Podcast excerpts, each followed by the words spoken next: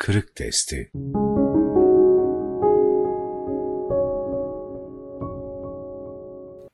Ebu Zer el-Gıfari Soru Hazreti Osman'ın Ebu Zer el-Gıfari'yi Rebeze denen yere gönderip orada zorunlu ikamete tabi tutması olayını nasıl anlamalı ve bundan ne tür dersler çıkarmalıyız? Cevap Daha çok Ebu Zer künyesiyle meşhur olan bu şanlı sahabinin asıl adı Cündeb İbni Cünade'dir. Gıfar kabilesine mensuptur. Peygamber Efendimizin sallallahu aleyhi ve sellem risaletini ve davetini duyunca Mekke'ye gelerek iman etmiştir. Mekke'de ilk iman edenlerdendir. Hatta dördüncü veya beşinci Müslüman olduğuna dair rivayetler vardır. İman ettiğini Kabe'nin yanında ilan etmesi üzerine müşrikler tarafından dövülür. Hazreti Abbas'ın araya girmesiyle öldürülmekten kurtulur. Ancak ertesi gün tekrar aynı yere gidip imanını ilan eder ve başına yine aynı şey gelir. Bunun üzerine Efendimiz sallallahu aleyhi ve sellem onu İslam'ı anlatması için tekrar kabilesi Gıfar'a gönderir ve kendisine haber gelmedikçe tekrar Mekke'ye dönmemesini söyler.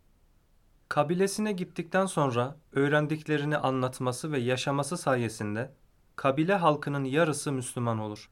Hazreti Ebu Zer, Uhud veya Hendek Savaşı'ndan sonra Medine'ye gelerek Ashab-ı Suffe'ye dahil olur ve Allah Resulü ruhunun ufkuna yürüyeceği ana kadar da oradan ayrılmaz. Efendimiz sallallahu aleyhi ve sellem Ebu Zer'in yalnız yaşayıp yalnız vefat edeceğini bir mucize olarak Tebük seferi esnasında haber vermiştir. O sefer esnasında devesi zayıf olduğu için Ebu Zer ordudan geri kalır. Devesinden ümidini kesince eşyalarını sırtlanır ve yayı olarak yoluna devam eder. Nihayet bir konak yerinde istirahate çekilen orduya yetişir. Uzaktan gelmekte olan kimsenin Ebu Zer olduğunu öğrenen Allah Resulü şöyle buyurur. Rahimallahu Eba Zerrin yemşi vahdehu ve yemutu vahdehu ve yub'asu vahdehu. Allah Ebu Zer'e merhamet etsin.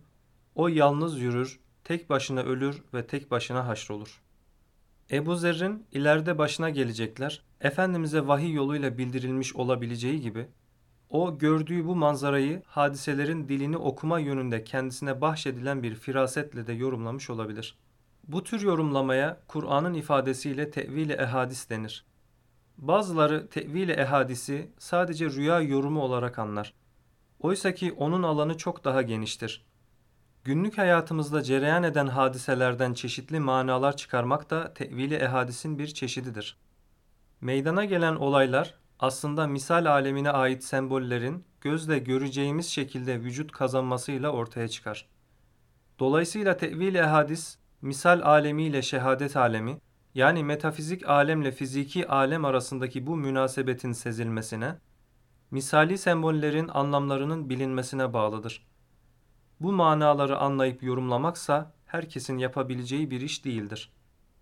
Efendimizin sallallahu aleyhi ve sellem tevil-i hadisten yola çıkarak ortaya koyduğu pek çok yorum vardır. O, çevresinde olup biten hadiseleri çok iyi okumuş ve bunlardan çeşitli manalar çıkarmıştır. Hatta bazı sahabilerin isimlerini değiştirmesine bile bu açıdan bakılabilir. Netice itibarıyla burada Nebi Ekrem aleyhi efdalus salavati ve ekmelü tahiyyat, Ebu Zer hazretlerinin ordudan geri kalmasından, onun hal ve tavırlarından yola çıkarak istikbalde zuhur edecek durumunu bildiren mucizevi bir beyanda bulunmuş ve bu ifadeleriyle bir karakterin ileride ortaya çıkacak genel durumunu haber vermiş olabilir. Kur'an sahabe-i kiramı sabikune evvelun olarak isimlendirmiş ve onlara farklı bir konum vermiştir. Dolayısıyla sahabe-i kiram hakkında konuşurken çok dikkatli olmalıyız. Onların başından geçenleri değerlendirirken mutlaka onların bu yüksek konumlarını göz önünde bulundurmalıyız. Genel anlamda sahabenin bu müstesna konumunun yanı sıra Hazreti Ebu Zer, ashab-ı kiram arasında şahsi yaşantısıyla, zühdüyle ve dini hassasiyetiyle öne çıkanlardan biridir. Müslümanlığı hep önde götürmüş ve çıtayı hep yüksek tutmuştur. Öyle ki Efendimiz sallallahu aleyhi ve sellem bir hadislerinde Ebu Zer yeryüzünde İsa bin Meryem'in zühdüyle yürür buyurmuştur. Ebu Zer Hazretleri hayatını tam bir zühd ve takva içinde yaşamıştır. dünyaya ve dünya malına asla önem vermemiştir. Ona göre bir insan sadece iki maksat için dünyalık peşinde koşabilir. Birincisi ailesine helal rızık temin etmek, ikincisi ise ahiret hesabına Allah yolunda infakta bulunmaktır. Dolayısıyla ihtiyaç fazlası biriktirilen para ve malları kenz, dünya hırsıyla biriktirilen, stoklanan mal servet olarak görmüş ve servet sahiplerini bu hususta ikaz etmiştir. O kimseden sözünü esirgemeyen, doğru bildiği hakikatleri her yerde haykıran bir karaktere sahiptir. Özellikle Şam'da kaldığı dönemde Müslümanların servet sahibi olmalarından, rahat ve rehavet içinde yaşamalarından ciddi rahatsızlık duymuş ve rahatsızlığını her yerde dile getirmeye başlamıştır. Onun bu sözleri bazı kimseler tarafından memnuniyetle karşılansa da büyük bir kesimi de rahatsız etmiştir. Dönemin Şam valisi Muaviye de Ebu Zer'in eleştirilerinden ve ikazlarından nasibini almıştır. Ebu Zer haksızlık yaptığı, yakınlarını kayırdığı ve lüks içinde yaşadığı gerekçesiyle Hazreti Muaviye'ye sert ikazlarda bulunmuştur. Hatta bir seferinde dayanamayıp ona bir tokat dahi atmıştır. Bu sert çıkışlarından sonra Muaviye de onu önce ileri gelen sahabilere şikayet etmiş, netice alamayınca da durumu bir mektupla dönemin halifesi Hazreti Osman'a bildirmiştir. Devlet adına yer yer oldukça sert kararlar verse de şahsına yöneltilen itiraz ve sorgulamalar karşısında Muaviye'nin oldukça hoşgörülü davrandığı söylenebilir. Bugün siz değil bir valiye, onun kapıcısına bile böyle bir muamelede bulunsanız sizi kapı dışarı ederler veya hakkınızdan gelirler. Durumdan haberdar edilen Hazreti Osman, Ebu Zer'in Medine'de kalmasını ister. Fakat o, burada da aynı eleştirilerini devam ettirir. Herkesin kendisi gibi zühd içinde bir hayat yaşamasını ister. Temel ihtiyaçlarından arta kalan malları infak etmeleri gerektiğini söyler. Mal sahiplerine Kur'an'ın şu ayetini okur. Altını, gümüşü yığıp Allah yolunda harcamayanlar var ya, işte onları acı bir azabın beklediğini müjdele. Yığılan bu altın ve gümüş cehennem ateşinde kızdırılarak bunlarla onların alınları, yanları ve sırtları dağlanacağı gün onlara işte sizin biriktirip durduklarınız haydi tadın bakalım biriktirdiğiniz o şeyleri denilecektir. Ebu Zer Hazretlerinin bu sözleri toplum içinde ciddi rahatsızlığa ve sarsıntıya yol açar.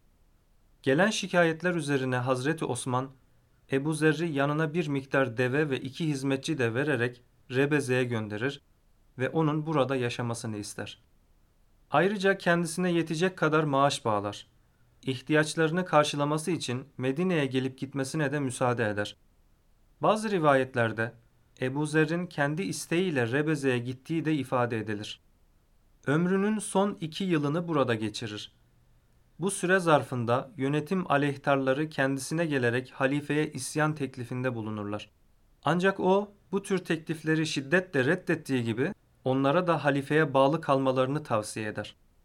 Hayatını büyük bir hassasiyet içinde yaşayan, dünya malına önem vermeyen ve aynı zamanda son derece hakperest olan Ebu Zer, gerektiğinde emre itaat etmesini de bilir. Bu yüzden vefat edeceği ana kadar Rebeze'de kalır.'' Efendimizin haber verdiği gibi yalnız yaşar, yalnız vefat eder ve yalnız defnedilir. Muhtemelen onun halifenin sözünün dışına çıkmamasında Efendimizin kendisine hitaben söylediği bu sözlerin de etkisi olmuştur.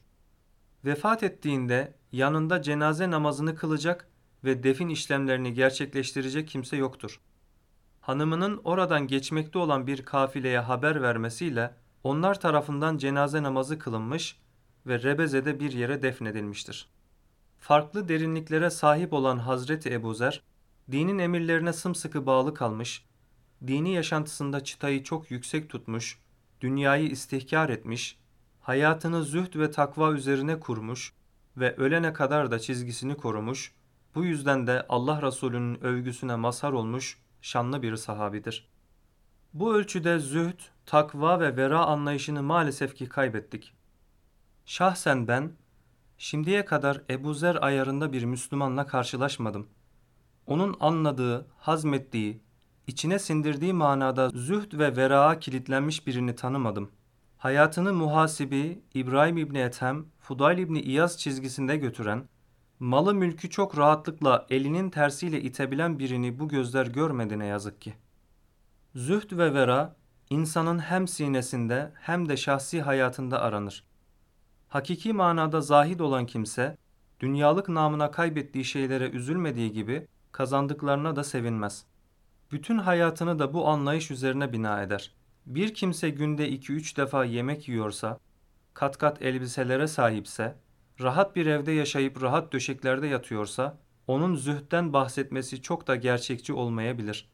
Bu sebeple bugün şurada burada pek çok mütezahit, zahit geçinen olsa da, gerçek manada zahit göstermek çok zordur. Meselenin diğer boyutuna gelince, Hazreti Ebu Zerrin bütün bu faziletleri müsellem olmakla beraber Nebi Ekrem Efendimizin sallallahu aleyhi ve sellem ve nübüvvetin birinci dereceden varisleri olan Hulefai Raşidin efendilerimizin yerleri ayrıdır. Raşid halifeler sosyal hayatın realiteleri, bu realitelerin de kendine göre bir kısım problemleri olabileceğini çok iyi biliyor ve meseleyi dengede götürme adına helal dairesini kendi genişliğiyle ele alıyorlardı, daraltmıyorlardı. Azami zühd ve azami takvayı esas tutmak ve kendi şahsi hayatlarını da buna göre dizayn etmekle birlikte dinin mübah kıldığı çerçeve içinde kalmak şartıyla insanların dünyadan istifadesinin, ruhsatları değerlendirmelerinin de önüne geçmiyorlardı. Eğer işleri Ebu Zer'in takva anlayışına ve onun zühd düşüncesine göre götürmeye kalksalardı, insanları üstesinden gelemeyecekleri bir dini yaşantıyla yükümlü tutmuş olurlardı. Çünkü bu herkesin yürüyebileceği bir yol, herkesin altından kalkabileceği bir yük değildir. Dini mübini İslam insanlığa sunulurken onun objektif hükümleri öne çıkarılmalıdır. Bir insan kazandığı malların kırkta bir zekatını, onda bir öşrünü ve kendisine tereddüt eden daha başka mali sorumluluklarını yerine getiriyorsa, artık onun malına mülküne karışmaya kimsenin hakkı yoktur. Nitekim Allah Resulü de birçok hadislerinde mümin olmanın Allah ve Resulünün zimmetine, himaye ve korumasına girmenin şartı olarak namaz, oruç, zekat, hac gibi dinin objektif hükümlerini saymıştır. Dinin temel emir ve yasaklarına uymak suretiyle Allah ve Resulünün zimmetine giren birinin hayatına müdahale edemezsiniz. Üstelik Ebu Zerrinki gibi bir zühd ve takva anlayışının herkese dikte edilmesi, maddi ve ekonomik güçten mahrumiyeti de beraberinde getirebilir. Zira böyle bir anlayış pek çoklarını sağ gayretten alıkoyabilir, onların çalışma azmini kırabilir ve onları miskinliğe sevk edebilir. Bazı kimseler şahsi hayatları itibarıyla azami zühd, azami takva diyebilir ve dünyayı ellerinin tersiyle itebilirler. Kendileri için benimsedikleri bu hayat tarzını başkalarına da tavsiye edebilirler, etmelidirler. Fakat yaşadıkları bu zahidane hayatı başkalarına dayatmamalı, kendilerine benzemeyen, kendileri gibi olmayan insanları tanu teşnide bulunmamalıdırlar, ayıplamamalıdırlar. Esasında Raşid halifeler de çok zahit yaşamıştı. Hazreti Ömer halkın yoksul tabakası ne yiyor ne içiyorsa onları yiyip içiyordu. Hayatını buna göre programlıyordu. Ancak onlar kimsenin mal kazanmasına sınır koymuyor, kimseyi kendileri gibi yaşamaya zorlamıyorlardı. O dönemde büyük servete sahip çok sayıda insan vardı. Bu değerlendirmeleri yaparken inşallah o büyük ruhu rencide edici bir ifade kullanmamışımdır. Kendi hassasiyetleri ve dini duruşu itibarıyla ona karşı çok derin bir saygım vardır. O şahsi hayatı adına ideal bir Müslüman bir insanı kamildir. Rabbim zühdün, takvanın, dünyayı istihkarın unutulduğu günümüzde neslimize de içlerinden nice Ebu Zerler çıkarmayı nasip etsin. Nefsimizi, neslimizi azami zühd, azami takva, azami ihlas ve daimi hizmet düşüncesiyle serfiraz kılsın.''